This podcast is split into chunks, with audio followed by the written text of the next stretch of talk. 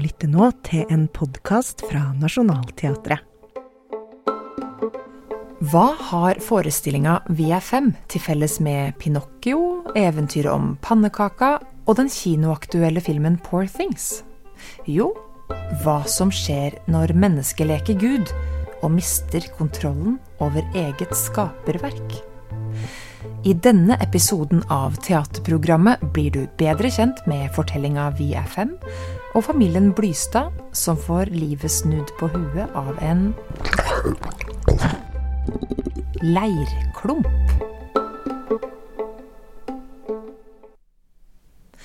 Vi er fem er basert på forfatter Mathias Fallbakkens prisbelønte roman. Kanskje du har lest boka?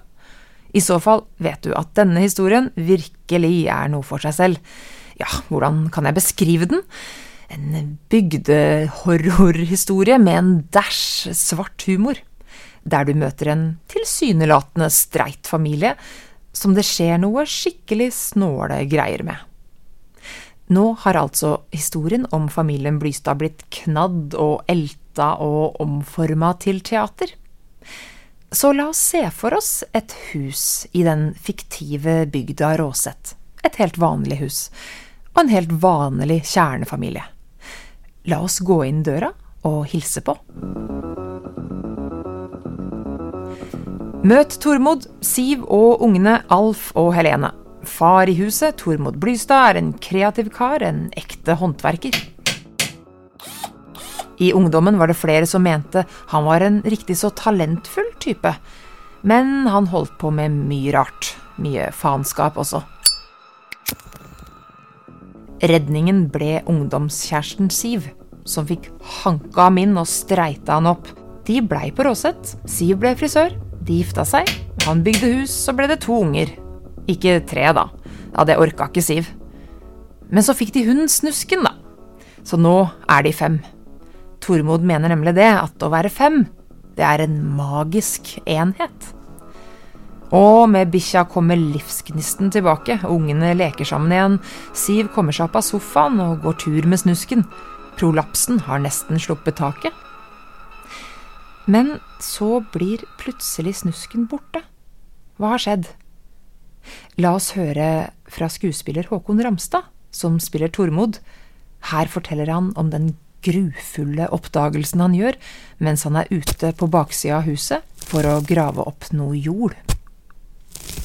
Og så finner han, så, det, så knaser det når han treffer spaden nedi der. og så tror det er stein, og så ser han en hofteskål, og så kommer en ryggrad til syne, og til slutt så ser han halsbåndet som Alf og Alena hekla i fellesskap med mormors teknikk for fingerhekling. Og da skjønner han at det er snusken som, som ligger der. Og da begynner han å se på Siv på en litt annen måte. Ja, hva vet egentlig Siv om snuskens forsvinning? Det blir dårlig stemning. Tormod søker tilflukt på verksted. Ah, det er fint å ha et verksted når ting går litt trått. Og nå har han fått henda i noe dynamisk knettleire. Han elter og former. Tormod har fått en ny hobby. Han ramla ut på leirkjøret. Og så stikker plutselig Espen innom, en gammel kjenning av Tormod. Han ripper opp i noen gamle, usunne uvaner for Tormod. Og nå er det ikke bare leirkjøret han er ute på. I utgangspunktet så er det vel ikke så, så, rart det han driver med, for han leser seg opp på dette med leire, og såkalt dynamisk leire. Så begynner han å eksperimentere med dette her. og tilsette litt kunstgjødsel og litt natron og litt metallspon for å få den mer uh, elastisk og mm. føyelig.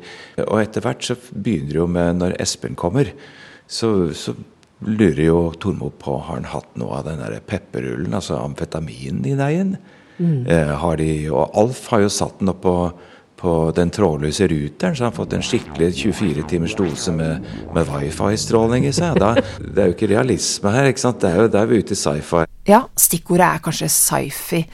For nå begynner det å minne om magisk realisme. Klumpen tillegges stadig nye ingredienser og får stadig nye egenskaper. Tormod tilbringer mer og mer tid på verkstedet, med leira og med å ruse seg med Espen. Det blir jo lagd et vesen som etter hvert eh, Både Espen og Tormod mister jo kontroll over De vet jo ikke helt hva de holder på med. ikke sant? De er såpass rusa etter hvert. Om de skulle spole tilbake og gjøre det samme en gang til, så tror jeg ikke de ville huske det. Altså, De setter strøm på det, og de putter Altså, de gjør alt mulig med den klumpen, ikke sant. Det er galvanisert vann, og det er metallspon, og det er eh, Ja, alt mulig går, går oppi der. Og det er ikke bare Espen og Tormod som synes det er spennende med klumpen. Ungene liker den også godt.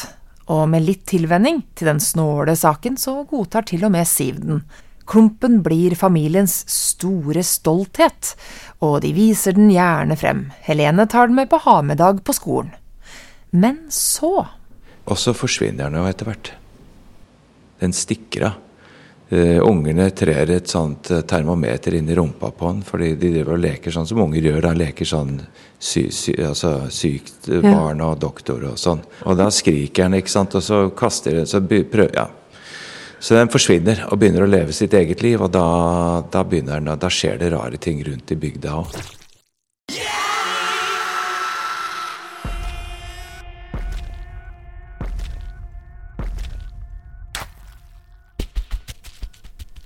Ja, så er klumpen løs på bygda, folk begynner å prate. Galskapen er ikke lenger holdt i sjakk. Har Tormod, i all sin kreativitet og ville skaperevne, glemt å tenke på konsekvensene? Historien i Vi er fem er uforutsigbar og ligner ikke på mange andre historier du har hørt før. Samtidig så føyer den seg inn i en lang rekke av, ja, la oss kalle de skapelsesberetninger. Sagn og myter og fortellinger om ting som i menneskers grådige hender blir til noe større enn oss selv. Død materie som blir levende, og skaperverk som går amok. Hvor det også er bakt inn en advarsel. Ja, eksempel Frankenstein og, og Pinocchio og pannekaka som ble nevnt. Og i jødisk mytologi så finner vi golem, en leirklump, her òg faktisk, som blir forma til familiens tjener, men som vokser seg ut av sin opprinnelige form. Og i norrøn mytologi møter vi en annen Tormod og Siv, tordenguden Thor, som er gift med Siv. Siv med håret. Og de som har lest eller sett VFM, de nikker nok anerkjennende nå, for her spiller jo også Sivs hår en viktig rolle. Og det gjør Siv også, ja, kanskje spiller hun en større rolle i teaterforestillinga enn i boka. Hun og Tormod har vært gjennom mye sammen. Tormod har mye å takke Siv for, så la oss høre nå en, en av Sivs monologer fra forestillingen. Her får du høre et utdrag eh, om den første tida de hadde sammen. Tormod og jeg ble sammen på videregående. Han var en fremragende elev. Arbeidsom og stille av seg. Flittig. Stø. I klasserommet på Råset VGS satt også en figur som het Espen Heggelund. En kvikk faen. Han var på alle måter glad i dram, og Tormod lot seg overtale. Plutselig var han både snakkesalig og tullete. Sammen med Espen Heggelund festa han grassat i flere år.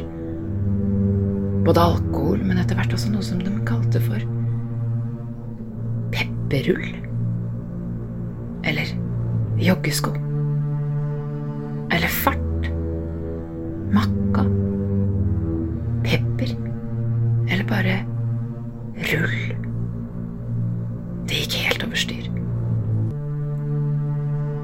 Tormod og jeg flytta sammen etter videregående. En fredag kom hun hjem rundt tre på morgenkvisten. Jeg satt og så favorittfilmen min, tenåringsromansen Can't Buy Me Love, som jeg skreik opp ved synet av Tormod. Skvatt baklengs inn i TV-bordet og skumpa Cola Lighten så den hvelva og freste utover teppet. Over øya hadde Tormod fått et kutt som blødde, noe grassat. Jumperen hans var dynka i blod. Han hadde slåss med en kar som het Stubberud. Populært kalt Stubberull pga. alle rullene han hadde i seg. Han hadde gitt Tormod en durabel springskall etterfulgt av ei flaske i trynet. Det får da være grenser, ropte jeg. Raska sammen en bylt med klær og dro Tormod ut i Ford Fiestaen og kjørte ned på legevakta der de satte elleve sting langs etter øyebenet på ham. Diazepam og medisinsk køl måtte svelges siden han virka overoppheta og lett psykotisk. Tormod roa seg lett, og jeg durte bort til foreldras hus og tok hyttenøkkelen i gangen. Mora kom ut i slåbroken og lurte på hva for et satans betakkel som foregikk der nede i første, men jeg smalt døra i trynet på henne. Deretter lå jeg perfekt på fartsgrensa de to tause timene opp gjennom Østerdalen og sa til Tormod at nå skulle vi bli på hytta, til alt hadde retta seg. Vi lå på hytta i drøye to uker. Jeg kjørte de 40 minuttene ned til kolonialen som lå i krøss og skaffa mat fire ganger, men utover det holdt vi oss inne. Tormod svetta som en gris, vrei seg håpløs i soveposen. Han banna og svor til meg. Han gren høylytt. Han var ekstremt kvalm. Jeg varma vann med råpressa sitron og peppermynte. Et kjerringråd. Dette hjalp litt. Coca-Cola, et annet kjerringråd, hjalp også. Magekrampene slapp smått om senn. Dullete var jeg ikke, men tålmodig, iherdig og seig. Jeg lot kjeftskurene fra Tormod prelle av. Da han sovna, eller kollapsa mellom riene, kunne jeg sitte der og klappe på den digre kroppen hans i ja, si halvtimevis, da. Tormod var spesiell. Etter hvert som pepperrullen løsna grepet, kom den gamle, milde og tvers igjennom samvittighetsfulle Tormod flytende tilbake, og han sa til meg, Siv, om jeg noensinne skulle bli slik igjen, transformert, forvandla, og komme til deg og påstå noe annet enn det jeg sier akkurat nå, så må ikke høre. Du må ikke tro på meg. For det er dette som er meg. Ja, ikke sant. Dette bærer Siv med seg, som nå med bekymring og skepsis ser Tormod endre seg i takt med leira han elter. Men som alle andre så ender hun også med å bli trollbundet. Ja, for det er magiske, mytiske greier det er. Og som enhver mytefortelling åpner det opp for noen store spørsmål. Hva er denne klumpen for noe? Den forteller oss noe om menneskets skaperkraft. Kan den fortelle noe om menneskets grådighet? Den evige lengselen etter noe mer? Etter å fylle tomrom? Eller vår hang til avhengighet? Og hvilken leire er det vi knar i vår tid? Altså, det er umulig å ikke tenke på kunstig intelligens, menneskets skaperverk som vi jo ikke aner konsekvensene av. Er det her advarselen ligger? Eller er leira bare savnet etter og ønsket om å få tilbake snusken? Om å bli fem igjen? Ah, så mange spørsmål! Og sist, men ikke minst, hva kan publikum forvente seg på teatret? når denne fortellinga inntar scenen? Vi stilte skuespiller Håkon Ramstad nettopp dette spørsmålet. Mange vil nok bli overrasket, tipper jeg, for dette er jo teater.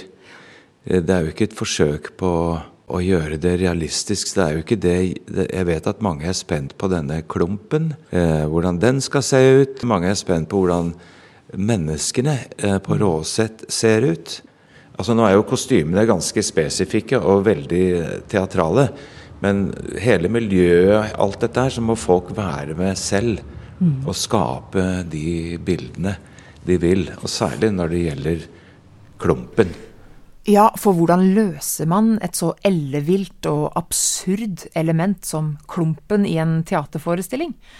Vi kan avsløre så mye som at du også her på lik linje med når du leser ei bok, vil få bruk for din egen forestillingskraft. Med god hjelp av forestillingens lyddesigner, Bendik Tomming. Da gjenstår det bare å ønske dere velkommen til Bygda Råset, til familien Blystad, til Nationaltheatret og Vi er fem. Forestillingen spilles på Torshov-teatret i vinter. Regissør er Ole Johan Skjelbred. Skuespillere er Stine Fevik, Håkon Ramstad, Selome Mnetu og Madalena Sousa Helly Hansen. På gjenhør.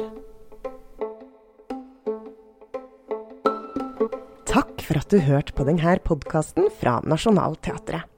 I studio satt formidler Gunhild Kilde, og du hørte utdrag fra et intervju med skuespiller Håkon Ramstad gjort av journalist Kari Slottsveen. Skuespiller Stine Fevik framførte utdrag fra forestillinga, og vi må få rett et stort takk til lyddesigner Bendik Toming, som har gitt oss lov til å krydre episoden med lydeffekter og musikk fra Vi er fem. Lydtekniker for podkasten var Benjamin Tveit, og produsent det var meg, Åsta Hoem Hagen. For mer informasjon om forestillinger og arrangementer, se nasjonalteatret.no. Og følg oss gjerne også på sosiale medier for mer innhold produsert på, bak og rundt scenen. Håper vi ses i teatret.